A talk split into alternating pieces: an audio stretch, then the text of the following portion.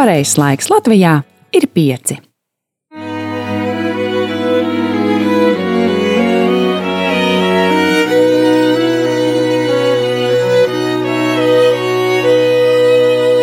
Tu klausies Radio Marija Latvija.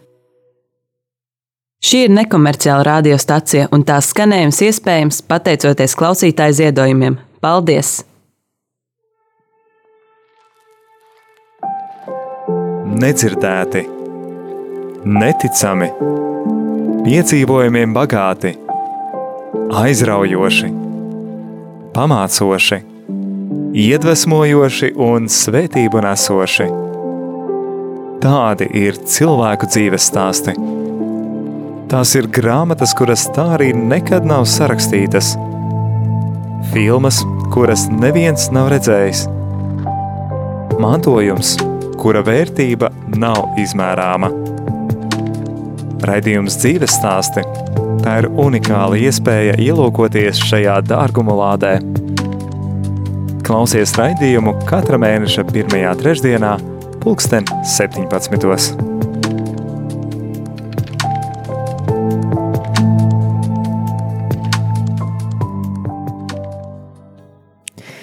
Jā, raidījums izskan arī o, trešajā raidījums. Izskan arī trešajā mēneša trešdienā, pulksten 17. Ar šo sezonu jau divreiz mēnesī cenšamies uh, raidījumu dzīves stāsti uh, vadīt un novest arī pie klausītājiem un dzirdēt arī daudzus um, interesantus dzīves stāstus. Šeit radio studijā pie mikrofona esmu es Jolanta Grāvīte, un šodien mums būs uh, arī vairāki viesi. Man palīdzēs mana kolēģa Aija. Sveika, Aija! Labvakar, tagad laikam vakars. Jā, uh, un vēl arī uh, šodien būs viesi no Ukrainas, uh, Vladislavs un viņa sieva Ilona. Uh, Um, jau gandrīz gadu mēs visi aktīvi sekojam līdz notikumiem Ukrajinā. Nu, tā ļoti aktīvi. Uh, atbalstam gan ar lūkšanām, gan ar ziedojumiem, gan palīdzam praktiski Uk Ukrainas bēgļiem. Un tomēr um, mēs visi zinām, ka kara darbība un nemieri Ukrainā ir sākušies jau krietni iepriekš. Uh, šodien raidījumā dzīves stāstī dzirdēsim kāda vīra uh, liecību, kurš ir piedalījies misijā tur, guvis arī smagus ievainojumus karā un pašlaik kopā ar sievu un bērnu atrodas Latvijā un turpina atbalstīt savu zemi un tautu ar visiem spēkiem. Patiesībā ieradušies abi ir šobrīd no Polijas, un divas nedēļas jau ir kā Latvijā.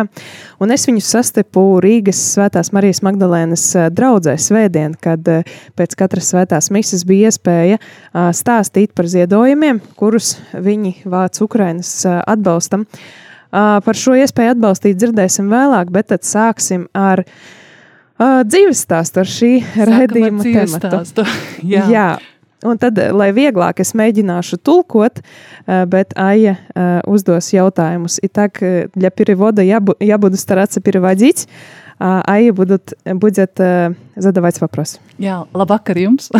Добрый вечер! Labdien!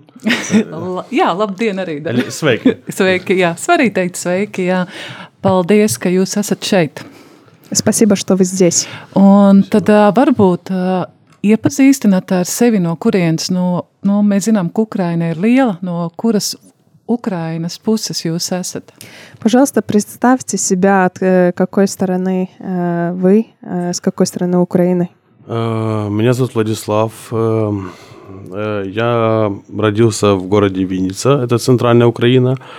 В маленьком возрасте переехал в город Одессу, ну и вырос в городе, это юг Украины, Черное море. Вырос, учился, школа, институт, все оканчивал там и служил в армии там также.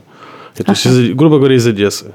Tātad es esmu piedzimis Viņicā, bet pēc tam, tad, kad es biju mazs, mēs pārbaudzām uz Odesu, un viss izglītība, mācības, viss notika jau Odesā.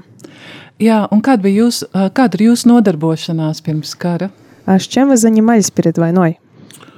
Uh, перед войной какой именно? Jā, es jau gribēju teikt, jā, patiesībā Ukrainā karš jau sākās ar куру году? Ar 14. году, 2014 да, году. я уже хотела сказать, это упоминать, ста- э, ш- что в Украине война началась уже ну, В раньше, чем... 2014 году. Да, да. И только сейчас э, ну, весь, весь мир об этом как бы больше обращает внимание, да, оно, э, это началось уже... Дв... 8 лет, 9 лет назад уже. Да. Tātad viss sākās jau 8 vai 9 gadus atpakaļ. То есть перед войной в д- 2014 году. Да. Перед войной в 2014 году ну, м, э, я учился в институте, потом перевелся на заочное э, обучение и подпи- пошел, подписал контракт в пограничные войска Украины. Державная прикордонная служба Украины. Tātad uh, viņš uh, strādāja, mācījās institūtā, pēc tam mācījās arī attālināti un pa parakstīja līgumu kā uh, Ukrainas robežsargs. Tā var teikt. Un uh, jūs gājāt brīvprātīgi karot 2014. Ka, uh, gadā. Вы добровольно пошли воевать? Vai tas bija uh, te, Ну, nu, kā armija? Или это было как армия ваша? Получается, служение? ну, у меня, э, ну, если рассказать, история такова, что я в 2011 году, еще за три года до начала войны в Украине, ну, в на Донбассе в 2014 году, я подписал контракт на три года. То есть контрактная армия была. И я контракт подписал 10 марта 2014 года. Э, И э, у меня контракт был рассчитан до 10 марта, от 2011 года подписал контракт, а контракт был рассчитан до 2014 года, до 10 марта. А 3 марта, за неделю до конца моего контракта военного, началась аннексия Крыма. Э, Русские зашли в Крым, начали, э, появилась граница административная на границе Херсонской и Крымской и Крыма. А, И вышло так, что мне неделю не хватило, чтобы уволиться из армии. И 3 марта в Украине э, Рада национальной безопасности Украины выпустила закон номер 4066 про запрет увольнения военнослужащих во время, э, ну, как военного положения. Tātad 2011. gadā viņš parakstīja ga, eh, līgumu uz trim gadiem par to, ka viņš kalpos eh, šajā nu, profesionālajā armijā. Un, eh, Tad, kad jau tikko, tikko, tikko bija jābeidzas viņa tam kalpošanas laikam, palika divas nedēļas līdz beigām, tad uh, sākās šī te, šie nemieri Krimā, kad Krievijas karaspēks ienāca un, uh, un tur uh, Okupēja, okupēja, aneksēja. aneksēja to, Krimu. to Krimu. Un bija divas nedēļas palikušas līdz beigām, bet izdeva tādu pavēli, ka tie, kuri ir, tie nedrīkst šobrīd kā iet prom no tā, no tā um, kalpošanas armijā. Nu, lūk, un tā, tā viņš Mhm. nonāca um, tur, karā. Эм, Получается, за неделю до конца контракта э, приняли этот закон, то есть увольняться уже нельзя было. То есть я мог уволиться только по окончанию боевых действий. А боевые действия до сих пор не закончились. То есть по закону Украины я бы до сих пор, наверное, не уволился бы. М- Наша, моя, я служил в мобильной пограничной заставе Одесса. Это мобильное было спецподраздел- спецподразделение, которое э, занималось задержанием на границе контрабандистов, ловили там, ну, то есть нелегальные по- ну, пе- перехождение границы. И вся моя застава, нас было 36 человек, э, выехала на административную границу с Крымом, и меня оставили. А я говорю, «М, а что мне делать? Мне говорят, у тебя контракт заканчивается, сиди. Ну, я сижу. Сел, сказали, охраняй оружейку, ну, в части в Одессе. И я сидел неделю до 10 марта, как раз когда у меня контракт заканчивался. Я еще не знал про этот закон. И 10 марта я пришел в воинскую часть и прихожу в отдел кадров, там капитан сидел, говорит, товарищ капитан, говорю, увольняйте меня, я вот контракт закончился. Он говорит, не, говорит, иди служить. И как бы так и я остался в армии. Nu, jā, tā tad vienu nedēļu līdz līguma beigām viņam um, izdeva tādu likumu, ka neviens, kurš šobrīd uh, dienā armijā vai arī robežsardzē, nedrīkst pamest dienestu, līdz kamēr beigsies karš. Teorētiski viņš vēl jo šo, šobrīd joprojām ir. būtu uh, pakļauts šim te likumam. Uh, par to gan jau izstāstīs vēlāk, ka, kāpēc uh, šobrīd viņš ir šeit. Bet, um, nu jā, tas tā notika, ka, ka viņš, ka viņam kā robežsargam, pirms tam viņi ķēra nelegālus robežas uh, pārkāpējus. uh, Kontrabandistus. Jā. Uh, un pēc tam viņam vienkārši teica, nekas, nekas, tev drīz beigsies uh, tas uh, līgums, tu sēdi šeit. Un uh, viņš prasīja, ko tad man darīt šeit. Un viņam, uh, kas notika?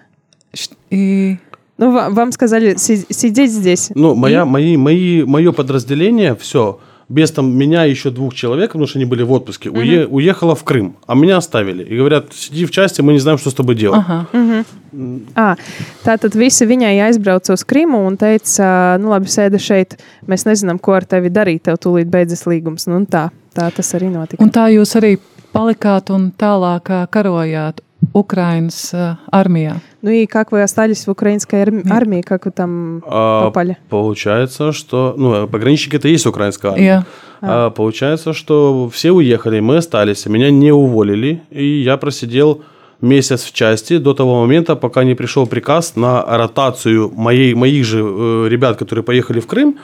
Нас собрали там 36 человек по части нашей и сказали, что мы едем их в Крым менять. И мы поехали в Крым на замену, ротацию сделали с, наш, с моей же, моим же подразделением. То есть, Tātad mēnesi viņš nosēdēja, gaidīja, kas tālāk būs, un tad uh, viņējos uh, tā kā kolēģus aizsūtīja uz Krimu, un pēc mēneša notika rotācija, ka viņi at, tā kā brauca atpakaļ, bet viņus atkal tad sūtīja nu, tieši uz to Krimu. Jā. No 2014. gada vai jūs karojāt gan Luhanskā un kā sauc? Донецка. Jā, Daņetskā.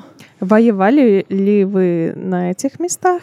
Э, После того, как мы поменяли в Крыму мои же подразделения, мы там пробыли э, до мая месяца, до конца, э, вернее, до середины мая, мы приехали в Одессу, и через э, буквально неделю времени нам сказали, что мы, ну, прошла неделя времени, нам дали отдохнуть неделю, и сказали, когда мы пришли в часть, что через два дня вы отправляетесь в АТО, в зону боевых действий, э, как пограничники. Tātad eh, nu, līdz, no marta līdz mājām sanāk, tad viņi bija uh, Krimā. Uh, tad viņiem atļāva at, atgriezties uz nedēļu atpūtas, bet pēc nedēļas viņiem, viņus nosūtīja uz kara zonu. Sakiet, vai tas karš ā, ā, no 2014. gada, vai jūs to arī Ukrainā izjutāt kā karu? Vai tā bija tikai tāda neliela teritorija, kas ir okupēta? А как вы се- себя тогда в ду- 2014 году чувствовали? Вы чувствовали, что это война реально, э, ну, когда Украина воюет, или просто это маленькая частичка ну, земли, которая собра... э, ну, оккупировали? Kāds bija noskaņojums pašā Ukraiņas tautā, kā viņi to uztvēra? Как украинский народ это воспринял, как был наст- э, было настроение, какое? Эм, Украинский народ воспринял, с одной стороны, половина населения восприняла это радостно, потому что пришла Россия. И у нас половина Украины на тот момент ее ждала. Мы думали, что Россия наши братья, наш братский народ, который нас защитит от Америки. А половина не ждала и как бы были против. Nu, tā tad uh, viena puse uh, sagaidīja priecīgi, ka atnāca Krievijas armija un beidzot viņus tā kā izglābs, un otra puse uh, n- nu, nebija priecīgi. Jo, nu, jā. Vai no šiem austrumu a- apgabaliem arī karoja nu, vietējie iedzīvotāji, nu, kā lai saka, pret Ukraiņas armiju? E, austrumu. Uh, nu, Vastočnie. И Uh, с этих э, областей Восточных, восточных восточных. тоже ка- воевала э, украинская армия. nu, uh, tam uh, nu, были э, человеки, которые были... С Восточной Украины Да, и воевали за Украину. да. Да, много. Сейчас до сих пор как бы... И, и были... Ну, я не могу как бы полностью анализировать за всю страну, но то, что видел я, я скажу свое мнение. А, В стране, а, в Украине самой было взрослое поколение больше за Россию, молодое поколение было больше против России. И как бы те, кто люди, кто вырос еще Советского Союза, они думали, что вот с Россией воссоединимся и будет опять Советский Союз. Молодое поколение, которое не родилось в Советском Союзе, то есть как я, ну, как жена моя, мы не, ну, нам не- мы не хотели в России жить. И когда мы столкнулись с ними в Луганской области уже с российскими войсками непосредственно, то мы поняли, что враг, ну, не те, как они рассказывали по телевизору, ополчение, шахтеры Донбасса. Эм, К нам пришла на нашу территорию ре- регулярно российская армия. Как-то так. Eh, nu, viņš pastāstīja savu viedokli, ka valstī vecākā paudze vairāk eh, kā, nu, bija par Krieviju, bet jaunā pret tie, kuri nebija dzimuši Padomju Savienībā, kā viņš un viņa sieva. Un uh, vecākā paudze savukārt sapņoja, ka atgriezīsies uh, padomju valsts, bet uh, jaunā nē. Un, uh, protams, ka karoja un ļoti daudz arī šobrīd karo no austrumu apgabaliem uh, cilvēki, um, kuri negrib būt Krievijas sastāvā un um, vēl kaut ko aizmirst piebilst. Jā, Jā, tad ejam tālāk. Jā. Idem periodu. Uh, sakiet, uh, kāds ir tagad uh, cilvēku noskaņojums Austrum Ukrainā? А какое настроение сейчас в Восточной Украине у народа? Vai viņi grib būt vienoti? Nu, kāds ir jūsu viedoklis? Kā jūs Какое domājat? ваше мнение? Ну, там люди просто хотят хотя бы выжить. Им я, ну, мое мнение, это я не, опять же, я не ручаюсь за тех людей, это то, что мое мнение, я так, ну, примерно себе понимаю мою картину. Там люди просто хотят выжить, им уже без разницы, кто там будет. Они просто хотят жить, и чтобы жили дети и не погибали. Это, ну, есть понятно, что те, кто кто-то хочет в Россию до сих пор, есть те, кто ненавидит Россию и проклинает то, что они сделали в том же Краматорске, Славянске, в Мариуполе, потому что были мирные города, которые процветали, развивались, и за два месяца их стерли с лица земли. Tātad, mm, jā, ir tā, ka cilvēki tajos apgabalos šobrīd vienkārši grib izdzīvot, baidās par bērniem un par, par vispār par nākotni. Protams, ka ir daudzi, kuri joprojām arī šobrīd grib tā kā Krievijas sastāvā, bet lielākā daļa vienkārši naturāli grib izdzīvot, un nu, viņiem arī nepriecājas par to, ka bija labas, skaistas pilsētas kā Mariupole, un tās divu mēnešu laikā tika vienkārši nopūstītas. Bet varbūt vairāk tieši par ā, paša Vladislava pieredzi. Jā, par, uh, par jūsu kargaitām. Больше о вашем опыте тогда, ну, на Военном? войне, когда, Я. когда вы были там. Ну, я попал на войну в начале лета 2014 года. Мы попали прямо на границу, мы заехали в тыл в Луганска и Донецка, э, прямо к границе с Россией. Это был пограничный пункт пропуска Должанский. Э, Это была граница, то есть это Донецк и Луганск были далеко за нами. Мы заехали аж в спину, получается. И мы как у нас, у нас было 120 пограничников. Мы не были там правым сектором, карательными батальонами, мы были обычные русскоговорящие и украиноговорящие пограничники. Tātad vasarā 2014. gadā viņi nokļuva kara zonā um, kopā 120 cilvēku uh, pie Krievijas robežas um, Luganskas un aiz uh, no šīm te, šīm te robežām, tā kā jau reāli pie Krievijas. Un, uh, nu, parasti ja tā kā robežsargi, viņiem es saprotu, ka robežsardze un uh, armija ir tā kā viens un Viens, tas jā. pats apvienots, jā, tāpēc, tāpēc nav tāda atšķirība. Nu jā, tātad parastie puiši, kuri dienai armijā. И Как бы э, мы стали на границе. Э, Наша задача была контролировать пограничный пункт пропуска. И ну, как бы, задача пограничников стать на границе и обеспечивать охрану границы государственной. tātad, nu, kā jau robežsarga uzdevums, mums bija stāvēt uz robežas un at, apsargāt valsti. Э, Мы развернулись спиной к России, и как бы потому что нам всем было известно, что в Луган, со стороны Луганской области, оттуда уже из Луганска, с э, Донецка, с Маринки, с Урмогилы, там были, как бы, как они говорили, сепаратисты, ну, украинские новости, и мы там как бы заняли оборону в сторону Украины, то есть мы не ожидали удара с Россией. Tātad viņi jau uz robežas nostājās ar muguru pret Krieviju kā, un gaidīja jau uzbrukumu no tām okupētajām teritorijām, jo mēs zinājām, ka Krievija jau uzbruks no tām. Но буквально через 4 дня после нашего перебывания на границе э, по нам начали вести артиллерийские обстрелы с территории Российской Федерации. С Бет- пункта пропуска Новошахтинск, там есть такой, это Ростовская область. Jā, tātad pēc četrām dienām, kā mēs bijām jau bijuši tajā punktā, uz mums sāka tā kā No Krievijas šaut puses no šaut. Krieva, Krievijas puses, Puses, no jā. Novašakstīnskas, uh, Ростовская Обгабал. область. Rostovas apgabala Novašakstīnska.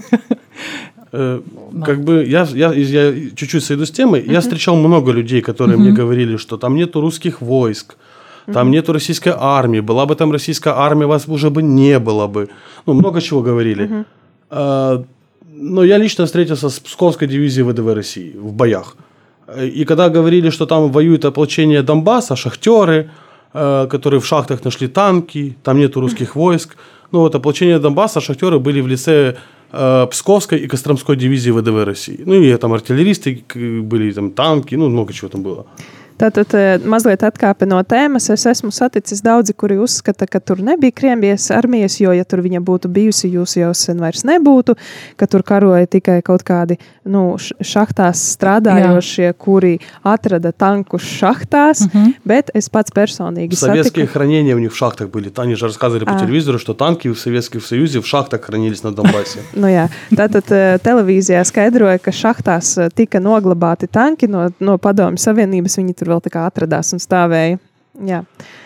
И как бы начались обстрелы э, по пограничному пункту пропуска. Мы нарыли себе окопы, блиндажи. Э, начались проходы техники через границу сбоку, ну, там, в километре от нашего пункта пропуска. Э, ну, частичные переходы техники. Э, Когда после очередного обстрела, это было полвосьмого вечера, мы пришли на границу с Россией, прямо, ну, там 10 метров, ну, как пограничная граница. Пришли к русским и говорим, зачем вы нас обстреливаете? Мы же пограничники, что вы от нас хотите? А русские говорят, это не мы. Мы такие говорим, а кто? Говорит, если это стреляют наши войска, а, говорит, выходите, в следующий раз будет обстрел, если наши будут обстреливать, выходите на дорогу, махайте флагом на границу, ну, к нашим воротам.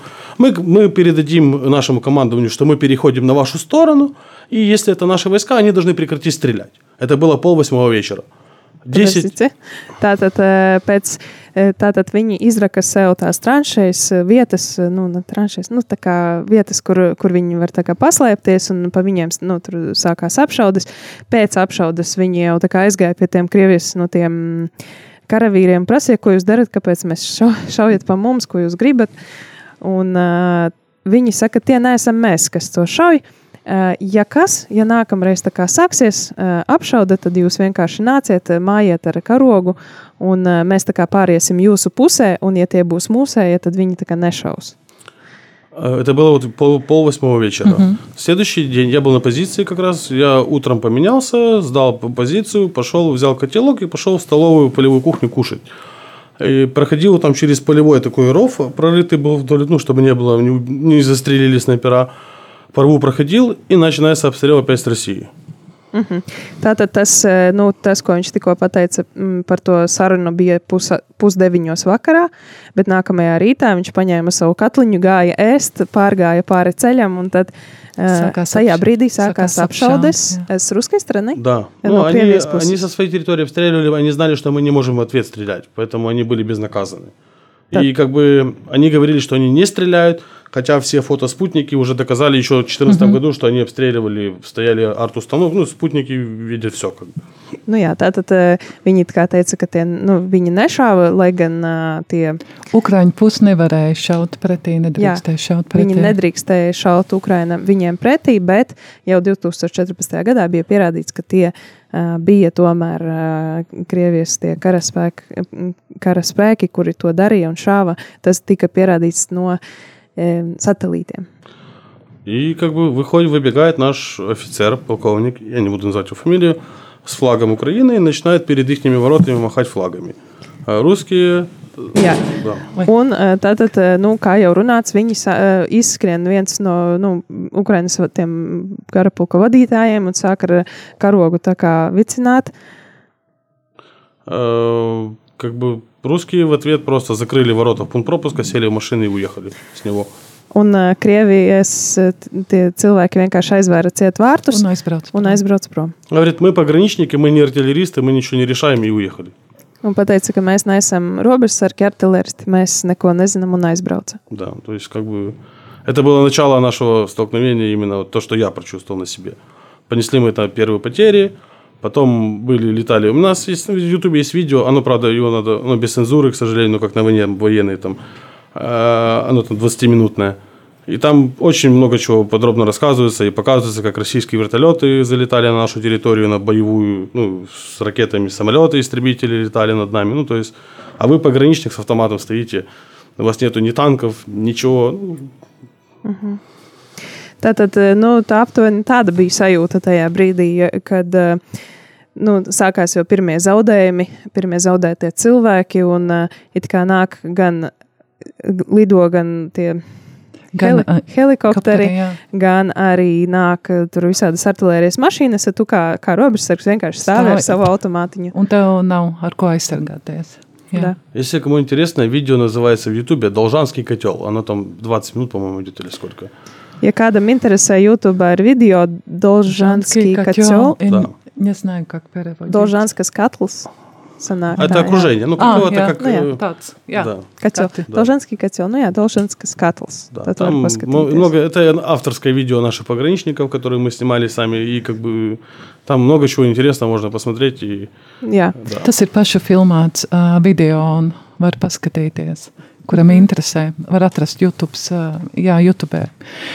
Tad, uh, vai jūs uh, karojāt līdz, uh, nu, bijāt aktīvs, nu, a, uh, iesaistīts kara darbībā līdz pagājušā gada, 2022. gadam, kad sākās Ам. šī спецоперация? вы офи- официально, ну, как бы были на войне до с- э, п- прошлого года или когда?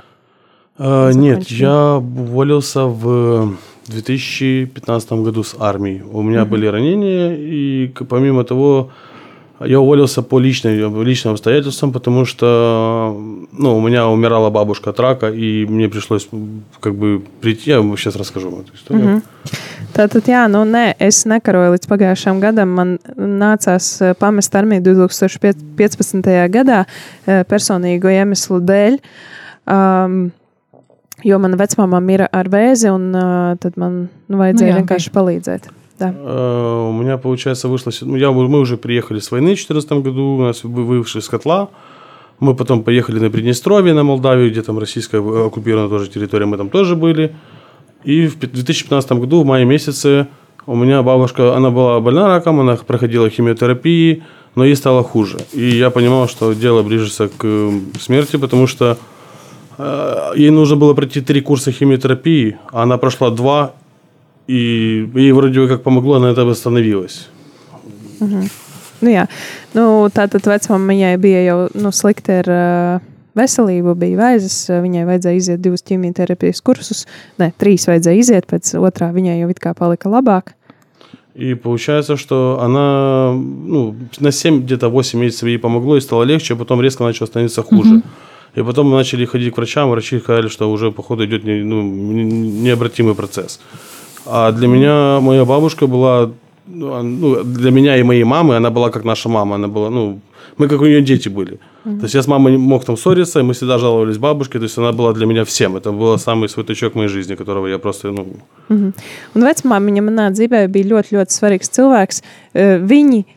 kā man un manai mammai, viņa bija kā mamma. Mēs savā starpā varējām ar mammu strīdēties, bet, kad nu, vecmāmiņa bija tā, kas tā kā, bija vecākā, rūpējās un eh, jā, tāds svētais cilvēks priekš manis. И я, получается, был на то время в Одессе, бабушка была в Виннице. Э, Мама мне говорит, что бабушке стало плохо. Я пришел к командиру своей части, а, и- а увольняться нельзя было. Можно было уволиться только с негативным отзывом у тебя. То есть разорвать контракт, чтобы на тебя там по какой-то статье, ну, как в советском время увольняли. Tā, un eh, tātad es biju tajā brīdī Odesā, vecmāmiņa Vinicā, un eh, no dienesta it kā nevarēja aiziet, tikai drīkstēja aiziet ar eh, nu, kādu negatīvo atsauksmi pēc kāda panta. И я пришел к командиру части, к нашему полковнику. Он очень, ну, мне такой, он был строгий, но очень справедливый был. Я пришел и говорю, товарищ полковник, у меня, я уже переслужил, у меня три года был контракт, а переслужил я почти год и восемь еще сверху. То есть уже с- сверх контракта. И я ему говорю, я переслужил, я был в Крыму, я был на Донбассе, я был на Приднестровье. Я то, что для своей родины на тот момент сделал, я говорю, у меня умирает бабушка от рака, отпустите меня, пожалуйста. Говорю, он говорит, хорошо, говорит, езжай к ней, мы тебе мы сейчас дадим небольшой отпуск, приедешь, мы тебя уволим. И я поехал к бабушке, получается. Nu, jā, un tātad nu, viņš aizgāja pie sava nodaļas vadītāja un jautāja, nu, pastāstīja situāciju, ka viņš ir bijis gan Krimā, gan um, Ā, Donbasā. ne, eh, Donbasā. Еще раз. Э, Эти места, где, где, где был Да, где были? Крым, Донбасс. Донбасс, Ну. Донбасс это Я. Луганск, Донецк, это ну, область Я- я Донбасс. И Донбасс. Приднестровье это Молдавия, когда оккупированы они были. Jā. Э, В 90-х годах, когда конфликт был в Молдавии, они там э, русские оккупировали же, ПМР сделали, Приднестровскую Молдавскую республику. То есть это был конфликт у них. Nu, Tātad arī tās eh, Moldāvijas te, teritorijā bijušās es esmu kalpo, eh, nu, tā kā, eh, bijis dienējis un eh, karojis. Tad, lūdzu, eh, varbūt varat mani atlaist pie vecmāmiņas. Šobrīd eh, man tur ir jābūt. Un viņš teica, labi, brauc, un tad, kad atgriezīsies, tad mēs tevi tā kā, nu, atlaidīsim. И получается, а у меня бабушка заболела раком, потому что у нее была на животе родинка, ее прооперировали неправильно, и это было, ну, то есть ее надо было не вырезать, то есть это из одной родинки. Я приехал к ней, она еще ходила, и за 20 дней она ну, метастазы, и она умерла. За 20 дней я с ходячего человека положили в гроб, к сожалению. Nu, jā, un tad tas vēzis viņai sākās tādēļ, ka viņai bija dzimumzīmīta uz vēdera, viņa nepareizi nogrieza, un tad uh, kaut kā viņa tur attīstījās tā, ne tā, kā vajadzēja. n- Ne tā, kā vajadzēja. Es, kad atbraucu, viņai nu, jau bija tās metastāzes. Jā, un pēc 20 dienām jau devās mūžībā. То есть она с Я. каждым днем просто вот, ну, от- отнимала, отнимала, легла, и все, уже потом... И это, ну... эм, ну, для меня это был шок, потому что я в своей жизни, ну, мне тогда было 21 год, 22 уже на то время, и я все равно был для нее как ребенок, и я без нее, ну, ну как, не было никакой... Моя опора в моей жизни просто умерла, вот, как- ну, как ей скажу. Ну, То есть, и все. Jā, nu, Tātad mans pamats dzīvē pazuda, jo viņa bija kā, nu, kā, kā vecāks, kā priekš manis, kā tāds pamats. Man tajā brīdī bija 21 gads. Es piedzīvoju ļoti lielu šoku, kad viņu pazaudēju. У меня настолько, ну, я был ее любимым внуком. У нас есть мой брат родной Артем, ему 15 лет. Есть двоюродный брат мой Алексей Леша, на 8 месяцев старше меня. Ну, как бы я всегда был с бабушкой, и она меня очень сильно любила. Она всех любила. А, ну, у меня дочери сейчас 3,5 года, и ее зовут Екатерина, в честь моей бабушки. Tātad es biju viņas, nu, var teikt, mīļākais mazbērns. Jā, man vēl ir ba- brālis 15 gadīgs un vēl. Uh, Brālēns, jā. jā bra- bra- brālēns. Uh, bet var teikt, ka nu, es ļoti daudz laika pavadīju ar vecmāmiņu kopā, un viņa bija man ļoti tuvs cilvēks. Un es š- arī viņ, un, uh, viņš arī bija ļoti tuvs savai vecmāmiņai un un tagad viņam ir meita, uh, Jekaterina, kuru Katrīna. Jā. sauc Екатерина. uh, par godu vecmāmiņai. И у нас даже, когда с женой была свадьба, у нас в зале гости сидели, и тамада ходила, ну, конкурсы проводилась, собирали там корзинку на мальчика, на девочку. И жена, мы, договорились с женой, что девочку называю я, а мальчика называет жена. Ну и на свадьбе тамада спрашивают у гостей, угадайте, как буду звать мальчика. Жена придумала там какое-то имя.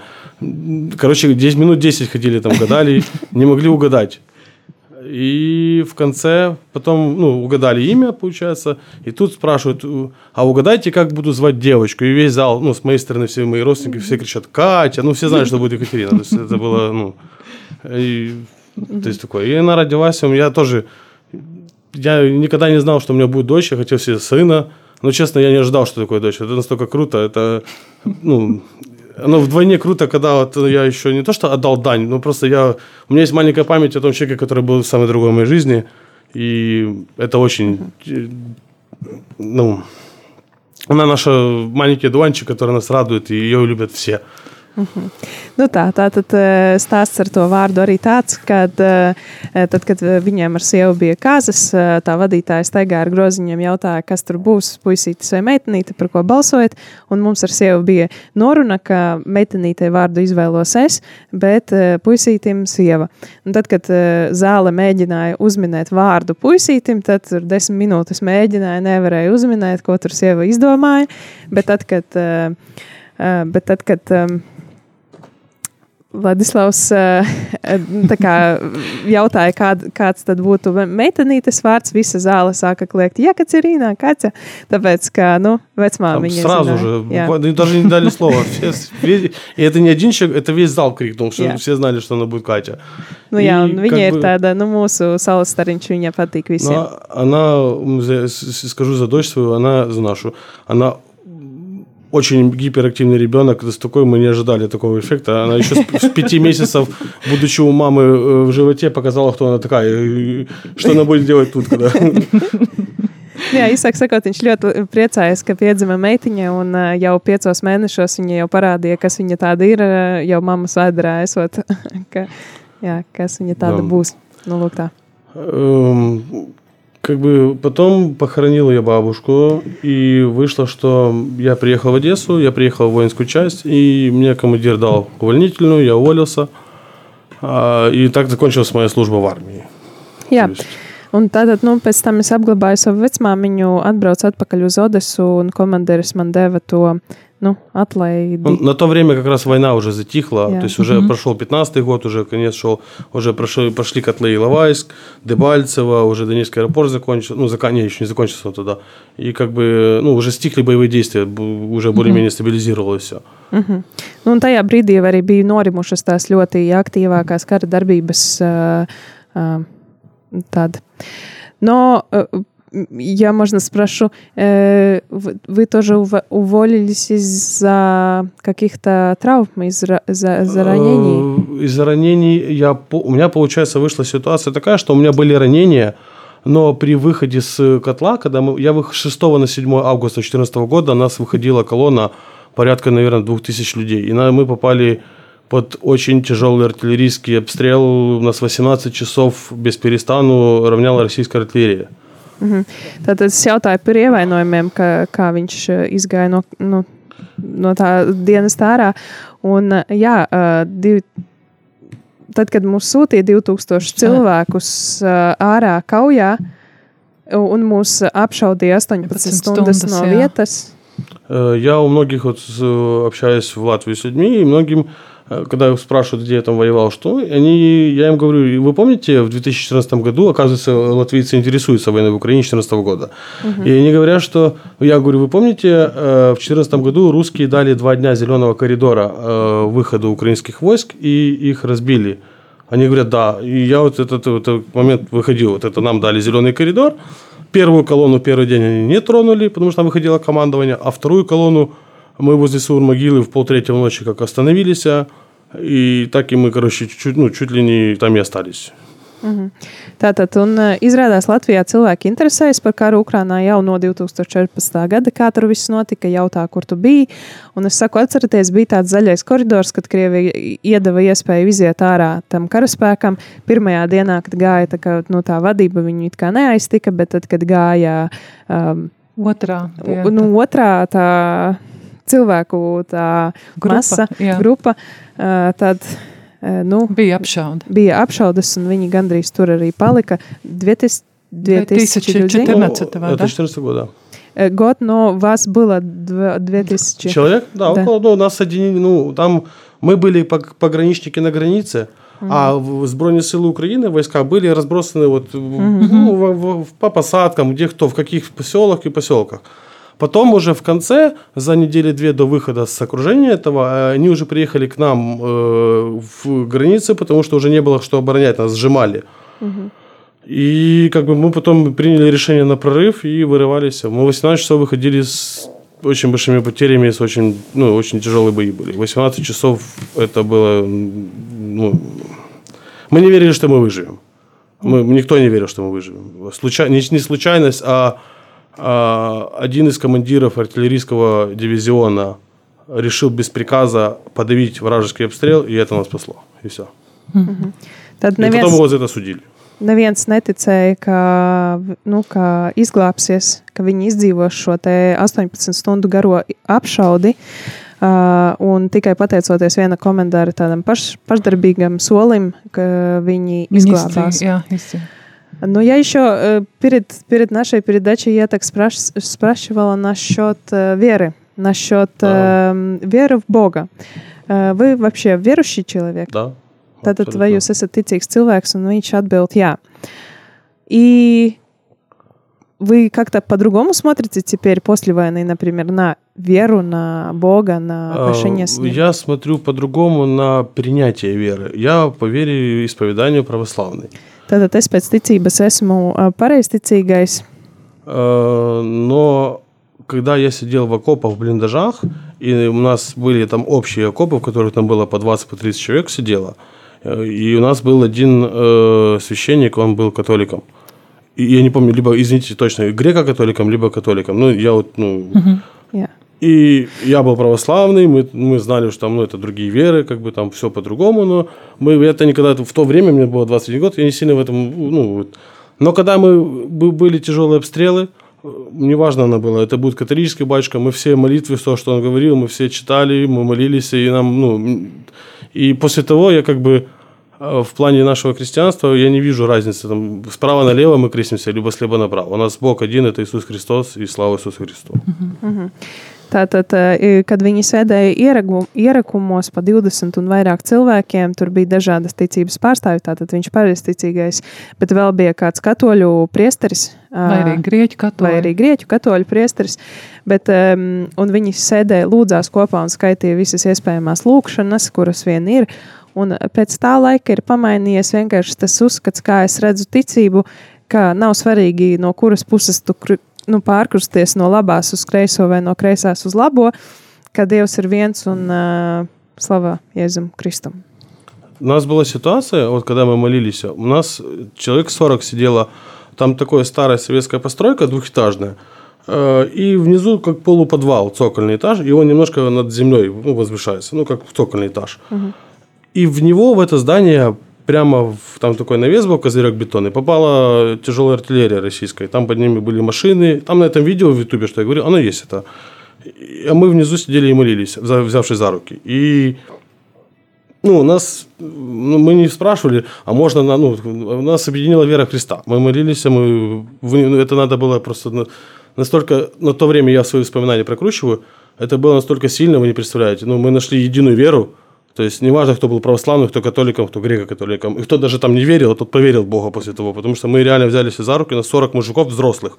С автоматами, с бронежилетами, совсем в одной комнатке под тяжелым обстрелом. Мы взяли за руки и просто в голос молились. Батюшка говорил, мы повторяли, молились, и, и мы выжили. Угу. Jā.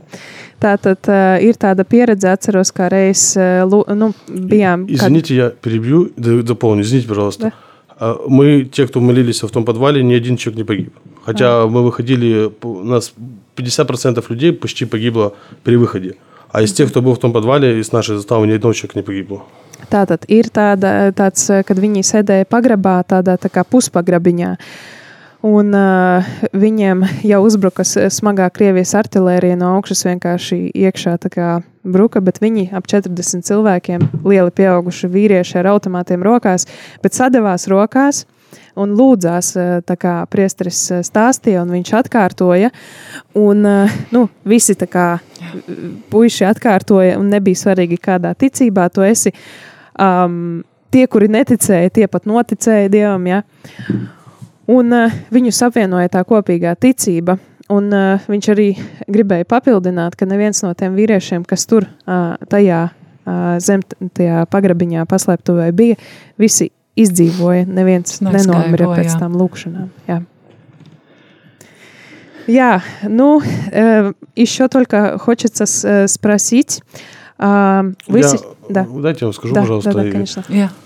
Э, у меня э, отец был католиком. Эм, он погиб на фронте в этом прошлом, в прошлом году, в октябре месяце под Херсоном. Mm. Он был разведчиком. Он в 2014 году воевал в соседней стороны, где я был. Он пошел на войну со словами, э, что я за отец, что я буду прятаться у сына за спиной. Пошел добровольцем на фронт в 2014 году. В 2015 году получил тяжелое ранение.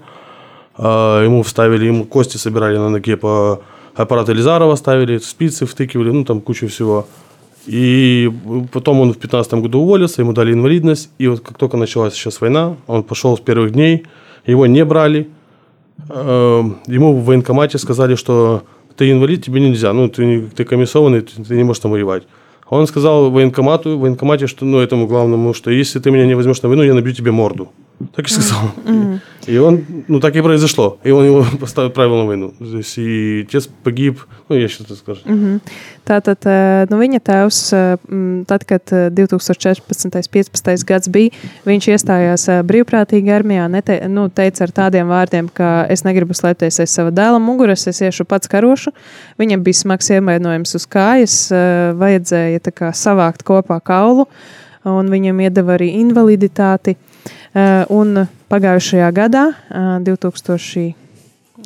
otrajā uh, gadā. Viņš aizgāja tad, uh, vēlreiz pieteikties. Viņu neņēma kā brīvprātīgo, bet tad viņš pateica, uh, nu, kā, tomēr ļoti uzstāja, lai viņu uh, paņem karā. Un, uh, diemžēl arī tad gāja bojā pagājušajā gadā, kā излукс. Пie, ну, пie Херсонс. Третий, он за неделю до освобождения Херсона, он был в разведывательной роте. Они зашли в Давыдов Брод, это была крайне ну, освобожденная точка. Они зашли, зачистили русские окопы, и их русские накрыли в ответ артиллерией. И угу. он начался артиллерийский обстрел по тем же окопам, куда они зашли. Он с собой, с собой закрыл двоих молодых пацанов, парней молодых, под себя поджал.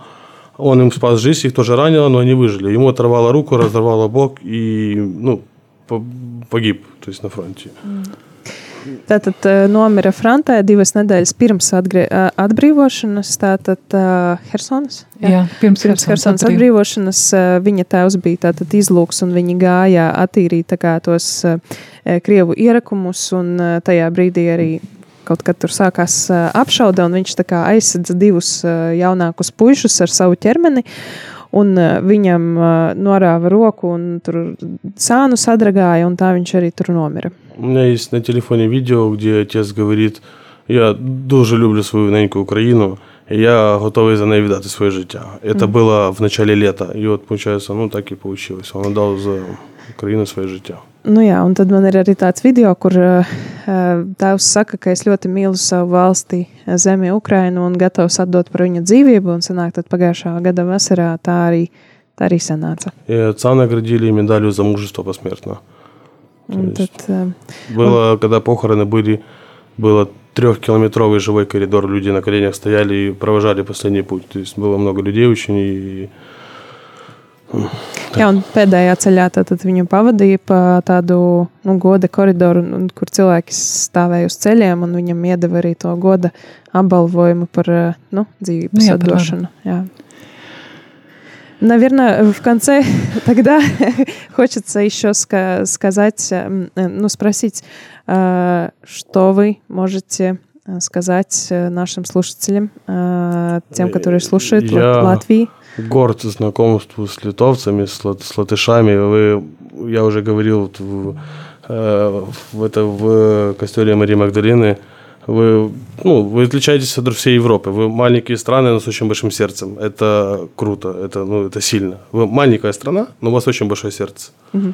Tātad es esmu ļoti priecīgs par iepazīšanos ar lietuviešiem, ar latviešiem. Un tas arī ir tas, ar ko jūs atšķirties uz Eiropas fona, jo jūs esat ļoti mazas valstis ar lielu sirdi. Mm -hmm. Вот. Ну и еще последний, самый последний вопрос. Это, это как э, самый такой то, что еще следует, мы об, об, об, о вас еще услышим. Да, наверное, наверное, да. Мы, наверное. Я еще в данный момент являюсь волонтером Международного украинского фонда, и мы э, заручаемся чуть поддержкой э, в Латвии, и мы верим в то, что совместно мы победим. Мы преодолеем эту всю трагедию, которая нас настигла, и честно, с такими людьми, как вот ваши страны, и которые нас не бросили. Потому что если посмотреть на Европу, а, на тех же немцев, которые через 10 месяцев только поняли, что, что они французы, которые с Путиным обнимались, и немцы, и венгры, и все, кто хочешь. А первые, кто бросились, это прибалты и поляки. Ну, то mm-hmm. есть четыре страны, и, и Великобритания, ну, англичане. Ну, да. Все. Больше как бы никто не помогал толком. Jā. Tad šobrīd viņi nodarbojas ar atbalsta vākšanu un gādāšanu Ukrainai tur. Uh, ir Polijā, Lietuvā, šeit Latvijā un uh, vāc un gatavo atbalstu uh, viņiem tur, kas ir frontē, uh, un vēl kas tur bija par, par to Vāciju. Jā, par to, ka uh, tikai Vācija un Francija tikai tagad ir uh, izšķīrusies, un tagad pēdējos kādus divus mēnešus palīdzēt, nu tā pieņēmusi tādu apzināti mm, lēmumu. Jā, jā. Nav šīs šaubas vairāk. Bet pirmie, kas metās palīdzēt, bija Baltijas valstis un, un Anglija un Polija. Да, ну и в конце у нас еще осталась песня. а, одна, которую мы тоже озвучим. А, Что за песня? А, Немного Это пару, пару песня, слов, что это это будет. песня украинская, называется она «Манифест». Она э, переводится на русский язык как «желто-синее сердце, которое никогда не сдается». Ну, вы слышите ее. Tātad uh, dzelteni zilā sirds, kura nekad nepadodas. Šī, eh, tā ir par to, jo dziesma На Ukraiņu українською valodā. мовою. Дякую вам. Ukraiņu valodā. Paldies! Paldies. Aija, vēl kaut ko teiksi? Ja, ja, а, у меня один вопрос. Nu, Вы можете простить, ну, что случилось с вашей страной? Vai jūs varēsiet piedot to, kas ir noticis arī Jā. uz zemi? Нет. Кого? Русских? Boļņa. Никто не... про- А кто простит? Ну, за что? Мы сидели в своей стране. В 2014 году они к нам пришли. Не мы. Я, не, я был на границе, я не нап- атаковал Ростов, я не нападал ни на кого. Я сидел, выполнял свой, ну, свой, свой долг. Я дал присягу на верность украинскому народу. А они начали рассказывать, что им запретили общаться на русском языке. Хотя настолько люди были ленивые, что когда смотришь закон, как они ссылались на закон в Украине, что создали закон, а, запретили в Украине заполнять документы на русском языке. Просто разговаривать никто никому не запрещал. Вы Говорите на, хоть на каком хотите языке. А документы заполняйте на том языке, на котором в стране, в которой вы живете. Вот это что было. А в России были люди ленивые, они даже не, со- ну, не прочитали его. Они просто услышали по телевизору, что русским запретили э, говорить в Украине по-русски. И украинцы, которые всю в в Одессе у меня все на русском до сих пор, ну, половина говорит, да. Ем, Ну, я вільно українською, володію- українська це моя рідна мова. А, але російська, ну, то була до, до війни. Зараз в Україні пере, переглянуть, за- в Україні пересмотрят видение русского языка, это после такого. Но до этого момента в Украине свободно разговаривали, да, во Львове на русском языке ничего не было. Но кому-то не сиделось. jā. Tātad jautājums bija par atdošanu. Vai, tiks piedo, vai jūs varēsiet piedot Krievijai? Un viņi teica, pārliecinoši nē. Jo tajā gadā, kad sākās viss šīs 2014. gadā, tad uh, nu, viņš pats tur bija un redzēja, ka Ukraina nevienam neuzbruka. Viss sākās no tā, ka Ukrainā it kā esot aizliegts runāt krievu valodā, bet krieviski runāt nevienam neaizliedz. Viņiem bija pieprasīts aizpildīt dokumentus tajā valodā, kurā jūs dzīvojat, kurā valstī jūs dzīvojat. Un uh, Krievijā, piemēram, neviens pat uh, nepapūlējās izlasīt uh, to. Viņi tikai dzirdēja virsrakstus, ka redzes aizliedz runāt krieviski. Нам просто Ну. пришли и начали диктовать свои условия независимому государству. Вот вы пережили с, с литовцами то же самое. А нам пришли и начали рассказывать, что нам делать. Независимое государство со своим управлением, президентами вам приходят со стороны и говорят, нет, вы так делать не будете. Вы кто? Мы сами разберемся. В Украине был такой поэт, у вас в Риге есть памятник Тарасу Григоровичу Шевченку, э, который написал «В кожній хаті своя сила, правда и воля». А, В каждом, в каждом доме своя сила, правда и воля. И мы бы сами разобрались бы. И с Донбассом никто не собирался никого убивать, пока не начали вооружаться и стрелять в нас. Ну, то есть там Nu, jā, tā tad uh, ir tāds uh, tā kā mm, rakstnieks, uh, dzinieks Šefčenko, kurš uh, rakstījis, ka katrā sētā ir sava patiesība, nu, tā ne kā patiesība, bet pravda, в, в- в каждом доме своя сила, правда и воля. spēks, patiesība patiesība un un griba. griba. Un mēs paši būtu tikuši galā ar uh, visām tam saviem nemieriem iekšā bez iejaukšanās no malas. Так что, наверное, уже... Да, я просто я скажу Да, еще одно. да. Напомню э, гражданам Российской Федерации, а, они начали говорить, что мы убиваем своих граждан, у нас гражданская война, но они забылись о двух чеченских войнах своих и как они убивали Кавказ. Jā, tātad uh, es gribētu arī nu, pateikt, kad, uh, ka viņi, ka Krievijas, nu, Krievijas pilsoņi pārmet mums, ka mēs tā kā nogalinājām savējos, bet es gribu atgādināt par čečeņiem, kurus, jā, Arī jā kurus nogalināja. nogalināja. Lūk, ir uh, jau mums laidī, redījuma Jā, laiks. ir laiks dz- dziesmai. Tātad apsolītā dziesma par uh, dzeltenu zilo sirdi, kura nekad nepadodas. To arī novēlam. Этого вам и желанием никогда не сдаться. Все, Паудис. Paldies, ka atnācāt, что пришли. Спасибо. І Дякую. вам, і вам дякую, що запросили. Дякую, дуже приємно. Очень приємно.